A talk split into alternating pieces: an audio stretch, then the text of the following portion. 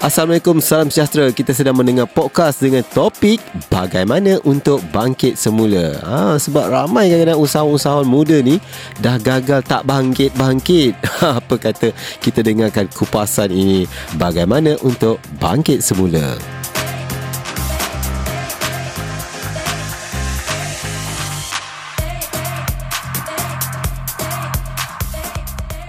Saya nak memperkenalkan tetamu saya di slot tetamu DJ. Apa khabar Nur Syazwani? Syazwani binti Abdul Halim dari Waniko Enterprise. Okey, Waalaikumsalam. Ah, sihat? Alhamdulillah sihat. Alhamdulillah. Okey, selamat datang ke EFM. Uh, terima kasihlah menjemput. Ah, Okey, nak panggil apa ni? Nur Syazwani, Ah, Syaz atau Wani? Mm, Nama glamour Wani je. Ah, Okey, nama manjanya Wani. Kita panggil dia Wani. Okey, Wani. Boleh Okey, cerita apa sebenarnya Waniko Enterprise ni? Okey, Waniko Enterprise ni, okey Waniko. Waniko ni uh, asalnya dari saya. Nama saya Wani lah ni. Ah, Wani lah. Ah. Ko ni sebab saya daripada kecil-kecil bercita-cita nak ada sebuah company. Okey. So saya jadikan Wani Co Enterprise. So uh, Co tu adalah corporation company. Uh, so Ah. jadinya Wani Co. Ah itulah I ter, ter, ter, apa ni terciptanya Wani Co. Ah. Alright. So Wani sebenarnya nak buat company daripada kecil lagi lah. Oh. Ah, jadi dinamakan Waniko Enterprise. Ah. Alright. Okay. Sebenarnya apa bisnes produk yang dihasilkan oleh Waniko Enterprise ni? Okey, Waniko Enterprise ni uh, telah uh, menghasilkan satu produk kecantikan, Mhm. uh, kecantikan kesihatan dalam masa yang sama. Mhm. Uh, siapa yang pakai ni mudah dan senang digunakan sebabnya Mhm. dia mesra uh, dia dia 100% daripada organik Mhm. lepas tu dia uh, mus, saya kata mesra travel sebabnya dia sangat mudah digunakan sebab uh, ni adalah produk yang terbaru di pasaran Malaysia mungkin kalau apa yang saya katakan ni mungkin orang di luar sana tak pernah dengar orang kata macam paper flake dia seperti tisu contoh sabun Mhm. saya saya ada sab, uh, shampoo Mhm. ada sabun sabun badan Mhm. ada sabun muka Mhm. Yang mana uh, sabun Semuanya dalam tisu. Dia buat dengan bentuk Ah, dia tisu. seperti tisu. Ah. Bila kena air je, dia terus, hilang. Uh, dia terus jadi uh, sabun lah kiranya. Oh, okey. Ah. Sangat mudah kan? Boleh dibawa ringan kan? So kalau kalau orang nak pergi airport ke kan Aha. Tak payah macam kadang-kadang kan Kalau kita bawa ni kan Dah kena tahan kan Betul. Ah, Yang ni selit-selit je Dekat wallet ke Dekat dalam purse, ah, Dekat bag-bag ke ah, Ah, Ringan dan, dan dan dan dianya juga menjimatkan ruang beg. Yes kan Menyebabkan ruang ha, bag. sebab kadang-kadang satu masalah bila kita nak travel tu semua benda kita nak bawa kan satu almari tu kita oh. nak angkat kan sebab kita fikir oh besok aku nak pakai baju ni oh. kan Oh. petang kan nak pakai baju ni Betul. tapi kan penuh pula beg bagnya sekangkang kera kan Macam saya kalau nak Ha. pergi balik kampung tu Saya kata Eh saya rasa dah bawa semua lah Kan? Tapi saya tak boleh kan Ah, tapi dengan bantuan ada uh, produk yang diinovasikan Yes. sebegini sekurang-kurangnya dapat membantu menye, menyelamatkan ruang. Ya, betul. Ah, senang nak bawa, dia ringan dan mudah dibawa ke mana-mana. Mm, Mudah digunakan Mudah digunakan. Hmm. Alright, okay. Itu barang produknya. Berapa lama dah sebenarnya bisnes Waniko Enterprise ni? Okey, saya uh, menubuhkan uh, perniagaan saya ni dah tiga tahun. Mm-hmm. Tapi saya betul-betul uh, orang kata serius dalam membuat uh, perniagaan saya ni Mhm. lebih kurang satu tahun. Kenapa ma- mana pergi dua tahun tu eh? Ah, mana mana, pergi? pergi? Saya saya sel- saya seorang yang suka uh, lihat atau orang kata tengok orang punya bisnes. Mhm. Mm-hmm. So, macam macam kalau orang yang daripada dulu dia tak ada apa-apa, lepas tu sekarang dia dah berjaya, ah tu saya suka tengok, saya suka tengok macam mana dia boleh berkembang. Mm-hmm. Macam mana dia boleh berkembang maksudnya. Jadinya mempelajari orang lain punya bisnes, Ah. mendapatkan ilmu secara tak langsung kan? Ah, dengan saya Ah. suka tengok baca apa orang kata nota nota nota nota dia orang lah. Ah, Okay Alright Wani nak tanya Wani dulu uh, Bekas pelajar Giat Mara ah. ha, Giat Mara mana tu? Kiat Mara Pulai Oh, dekat Nangepi. Pulai Okay Berapa, Ambil kursus apa di sana? Uh, spa, terapi and wellness. Ah, okay, jadi sesuai lah dengan apa yang Wani Betul. jual sekarang kan? Ah, okay.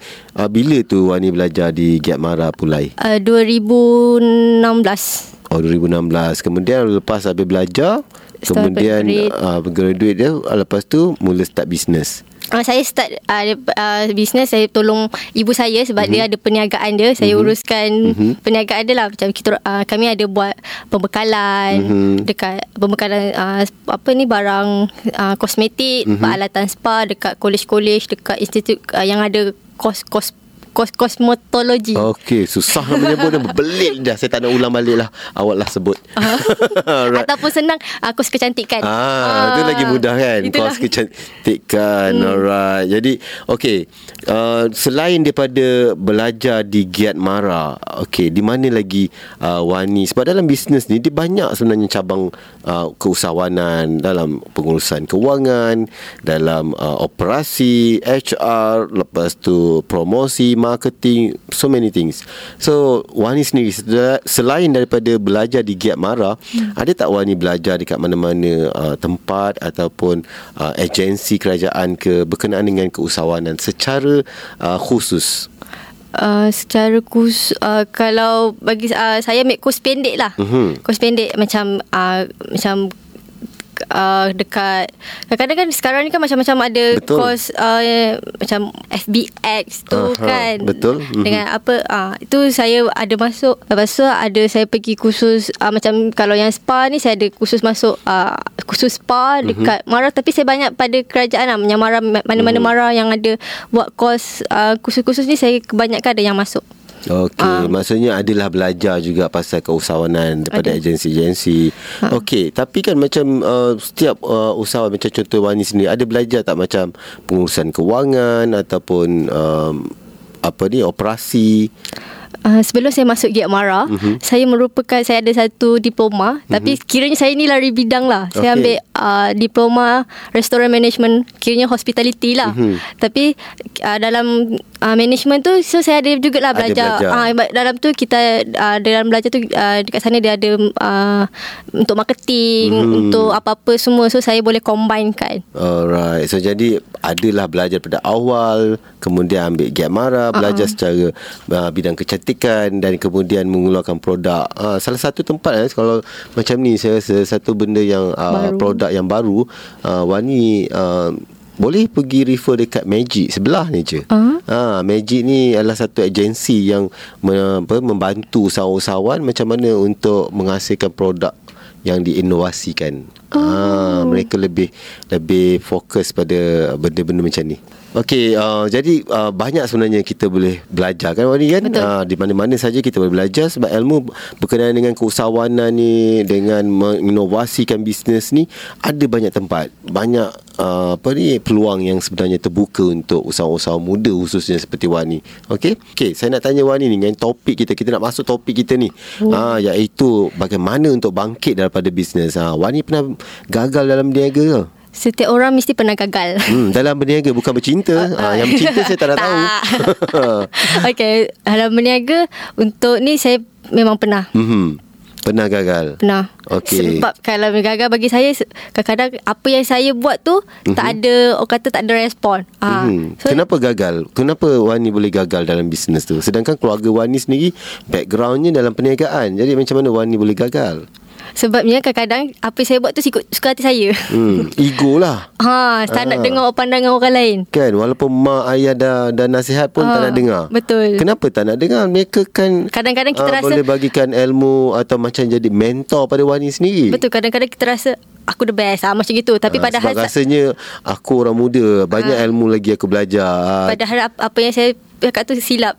Kan uh, Sebab fikir kadang-kadang Bila kita orang tua Ataupun yang lebih Betul. berpengalaman uh, Memberi pandangan Kadang-kadang anak muda Ada yang merasakan uh, Zaman dia dah habis Mungkin cara zaman dia dulu Berbeza dengan cara zaman kita Oh. Yang orang muda ni kan uh, Sebab saya pun muda Jadi saya pun Rasakan ada macam tu kan Jadi kadang-kadang uh, mak saya bagi idea, uh, okay uh, ad- adik ada bagi saya adik. Ah. Adik awak kena buat macam gini-gini. Nanti saya buat tapi in the end nanti kadang-kadang ada yang saya buat ada yang saya tak buat. Uh, Ah. padahal yang tak buat itulah yang boleh orang kata bom macam ya, macam sebab kita kena boleh, kena ah. Wani kena faham juga bahawa orang lama ni pengalaman dia luas jadi Betul. kita kena jadikan dia sebagai mentor Hmm. ataupun uh, apa ni guru kepada kita sebab supaya kita tidak me, termasuk dalam lubang yang uh, yang dah memang dia dah tahu benda tu ada kesilapan so supaya kita tak meneruskan kesilapan tu kan uh, okey apa sebenarnya faktor yang menyebabkan Wani bangkit semula dalam perniagaan tu mungkin ada sebab faktor-faktor yang membuatkan Wani terus kuat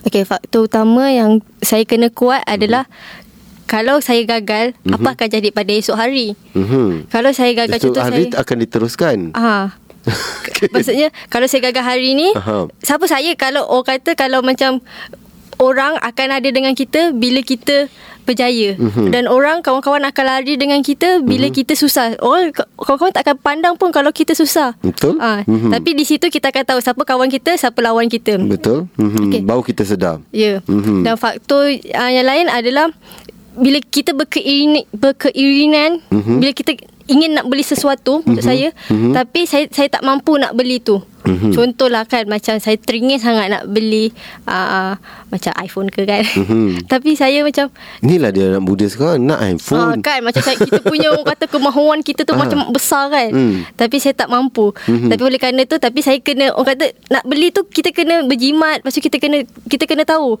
Kita kena membuat sesuatu Mhm. untuk kita dapatkan. Tapi bukanlah iPhone tu yang saya masukkan Mhm. macam-macam lah Bet- lagi benda kan. yang kita teringin lah kan Ah. ah.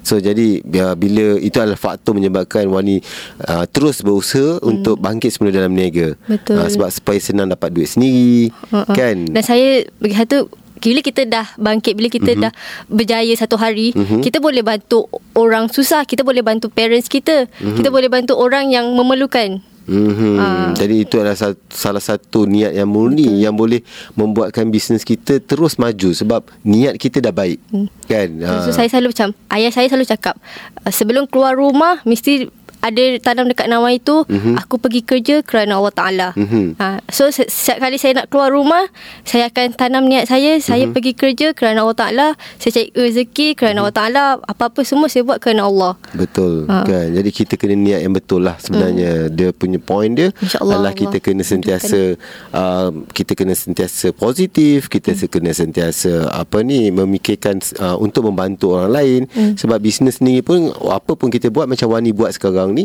iaitu untuk memudahkan Betul. kan memudahkan pengguna ataupun orang ramai untuk uh, mungkin nak bergerak senang, nak mendapatkan produk yang uh, jimat, cepat dan mudah dipakai kan. Uh, itulah salah satu niat juga dalam bisnes kita. Alright. Okay, Wani. Um, Wani pasti ramai kawan-kawan yang berniaga juga kan? Betul Ah, okey. Sebagai seorang uh, rakan untuk kawan-kawan yang berniaga juga, pernah tak lihat kawan-kawan yang bisnes uh, apa ni uh, gagal? Dan apa faktor penyebab mereka selalu gagal bisnes ni? Hmm, untuk gagal Diorang saya tengok diorang Ada yang uh, Seorang tu Mhm. mm-hmm. Dia buat macam-macam Dia dia daripada dia belajar Mhm. mm-hmm. Habis SPM tu Saya tengok mm-hmm. dia, dia Sampai dia Sekarang ni dia dah ada uh, Apa Wedding planner Dia dah ada Macam-macam lah yang Semua macam, benda dia buat. Ha Mhm. So saya tak tahu macam mana bila masa dia gagal. Dia tak pernah gagal.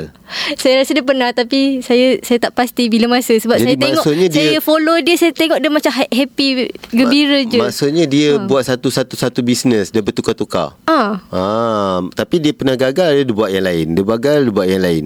Ke ataupun dia buat serentak juga. Uh, saya rasa dia buat serentak. Mhm. Oh, kiranya dia tamak lah.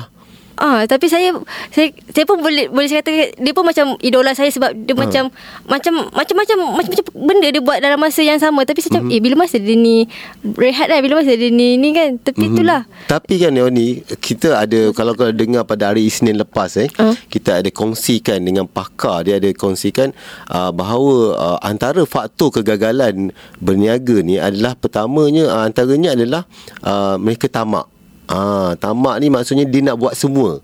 Uh, Dia nak buat semua bisnes Dalam masa yang serentak Dan maksudnya Dia nak cari Mana satu Bisnes yang sesuai Dengan jiwa dia. Uh, tapi yang dulu dia buat macam M&M lepas tu dia dah tak buat dah. Lepas tu Ah, dia buat yang Tapi saya soalan Eh. saya kat Wani tadi ni adalah berkenaan dengan ada tak kawan-kawan Wani yang gagal? saya rasa adalah dia lah Ha, tu ah, pernah tak mereka bercerita dengan Wani ah, kenapa mereka gagal?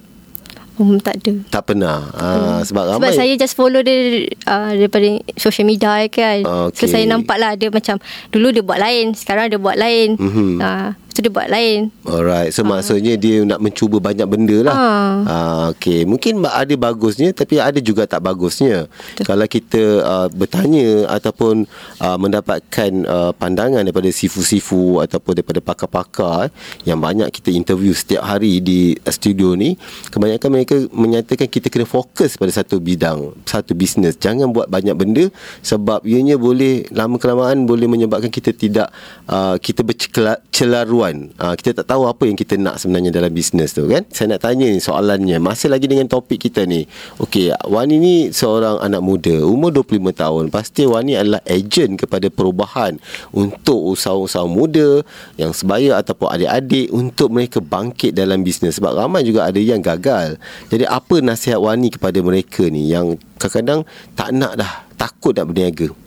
Okey, nasihat saya okay, untuk takut berniaga, mm-hmm. kita jangan takut untuk berniaga. Mm-hmm. Selagi kita tak cuba, kita tak tahu pun. Mm-hmm. Uh, sama ada benda tu. Tapi macam tadi yang Rizal kata, kita mm-hmm. kena mhm. fokus. Yes, kita mm-hmm. memang kena fokus. Sebabnya kalau kita tak fokus, mm-hmm. kita bila kita banyak sangat, kita macam mana satu nak buat ni. Mm-hmm. Uh, jadinya nasihat saya adalah sentiasa berfikir positif mm-hmm. setiap hari uh, kalau boleh cari perkat, uh, words uh, atau perkataan yang uh, boleh uh, beri motivasi kat dalam diri mm-hmm. sebab itu yang boleh membangkitkan kita punya uh, semangat kita punya oh orang ni boleh buat kenapa aku tak boleh buat mm-hmm. uh, dulu dia macam gini sekarang dia dah macam gini mm-hmm. dia dah mhm. dah berjaya dulu dia tak ada apa-apa mm-hmm. sekarang ni dia dah boleh beli macam-macam mm-hmm. Dan Jadi jadikan orang sebagai uh, apa ni mentor ataupun jadikan sebagai idola untuk mem- kita perbaiki diri kita. Mentor boleh, idola pun boleh. Aha, hmm, jadi dua-dua, dia kena dua-dua. Betul. Jadi benda tu akan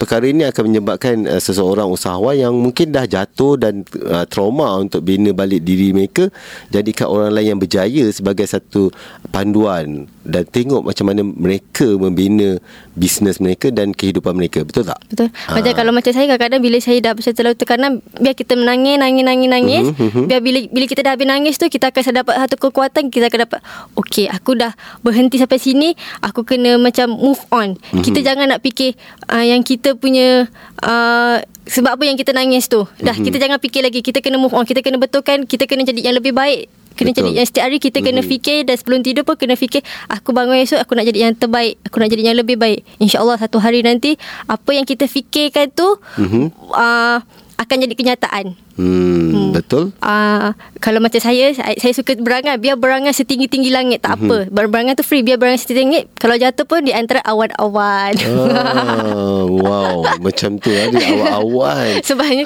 kita bisa lah kita mimpi uh, macam-macam kan. kan? Oh. Ah. ah jatuh pun awan-awan tu uh, antara yang yang dapat dapat lah alhamdulillah ah, kan. Betul. Kan. Kat situ kita boleh jadi momentum kita untuk kita melonjak lagi uh, ke hadapan. Betul. Saya setuju dengan Wani yang tu ke mana hala tuju bisnes ni? Mungkin dalam 2 3 tahun lagi ke mana uh, perancangan Wani? Okey, untuk uh, saya punya uh, kata misi saya uh-huh. untuk 2 3 tahun lagi saya nak kembangkan lagi saya punya orang biar uh, saya punya produk ni dan uh-huh. orang Malaysia tahu uh-huh. tentang saya punya produk. So orang boleh buka mata maksudnya uh-huh. orang tahulah macam oh rupanya ada yang boleh menggantikan sabun liquid, sabun uh-huh. uh, apa buku menjadi uh-huh. se, uh, macam tisu. Uh-huh. Uh, dan mudah dibawa. Mm-hmm. Hmm. Okay, alright. Okay, orang Cum- kenal lah dengan saya, dengan produk saya. Okay, cuma saya saya nak tanya, nak komen sikit lah. Oh, so, boleh. Uh, boleh eh? Boleh. Sebab saya tengok um, produk ni bagus. Uh, dan namanya Wani company-nya lah Waniko Enterprise tapi brandingnya uh, tak ada sebab ni kita orang kan saya kata tadi uh-huh. kita orang collaboration dan ini uh, awal uh, akhir tahun uh-huh. lepas baru saya dapat so uh-huh. saya pasarkan dulu uh-huh. uh, saya pasarkan dululah tapi uh, saya produk saya lah collaboration lah antara uh-huh. saya punya company uh-huh. dengan company yang pengeluaran produk ni. Hmm. Uh. Tapi sebaiknya kena buat branding awal sebab branding penting Wani kan? Mm. uh, sebab bila branding dah ada jadi uh, kita kena kukuhkan branding tu. Sebab kalau produk ni diberi tak ada branding tak ada jenama dia yang tersendiri uh, di kuarteri orang satu tak ingat kan? Keduanya boleh orang lain boleh copyright. Sebab benda tu tak ada branding yang tersendiri kan? Mungkin boleh orang ambil ni buka letak dekat packaging, packaging lain the brand kan diri dia sendiri. Betul tak? Betul. Ah ha, lepas tu dia jual mahal sikit dan Wani tak tak sempat lagi nak promote nak kembangkan orang lain dah uh, apa ni dah boleh ambil produk ni sebagai produk mereka. Uh, untuk packaging untuk branding memang kita orang ada planning. Uh-huh. Cuma untuk waktu terdekat ni kita uh-huh. orang terpaksa holdkan dulu sebab untuk uh, packaging untuk branding nama sendiri kan benda tu macam kita orang memerlukan kos yang uh-huh. tinggi kan. So uh-huh. saya uh, orang kata biar perkenalkan dulu produk dan saya uh-huh. produk ni pun saya jualan secara macam saya punya uh, saya ada spa. So uh-huh. saya jual bila orang buat servis dengan saya. Uh-huh uh, saya akan gunakan produk ni lepas mm-hmm. kita orang akan cerita lah lepas habis mm-hmm. customer buat kita akan cerita apa semua dengan uh, untuk online tu ada tapi tak banyak sangat lah saya tak Okey mm. dan boleh sebenarnya um, bantuan kewangan pun mm-hmm. boleh kita polehi daripada agensi-agensi uh, bukan saja pinjaman kadang-kadang mm. daripada, daripada geran seperti MARA daripada mm. PNB SME Corp uh, dan banyak lagi kan uh, dan saya pasti Giat MARA punya geran kan uh-uh. uh, dan mungkin mereka boleh bantu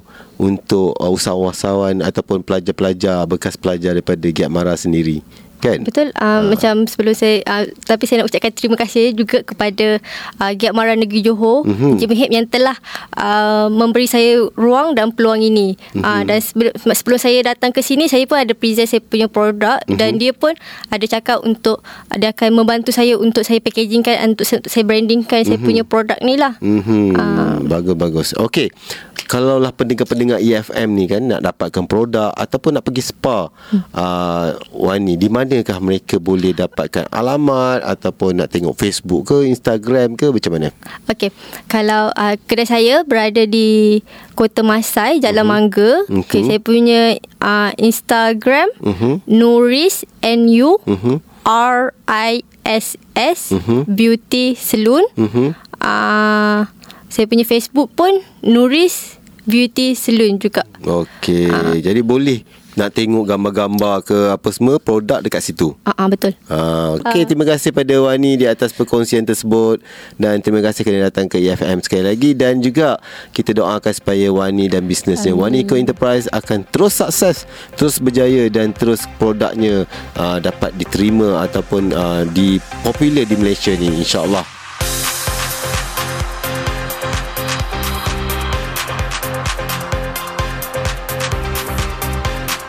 Itulah podcast Bicara Express yang telah disediakan oleh tim EFM. Teruskan bersama kami di episod seterusnya hanya di efm.live for entrepreneurs by entrepreneurs.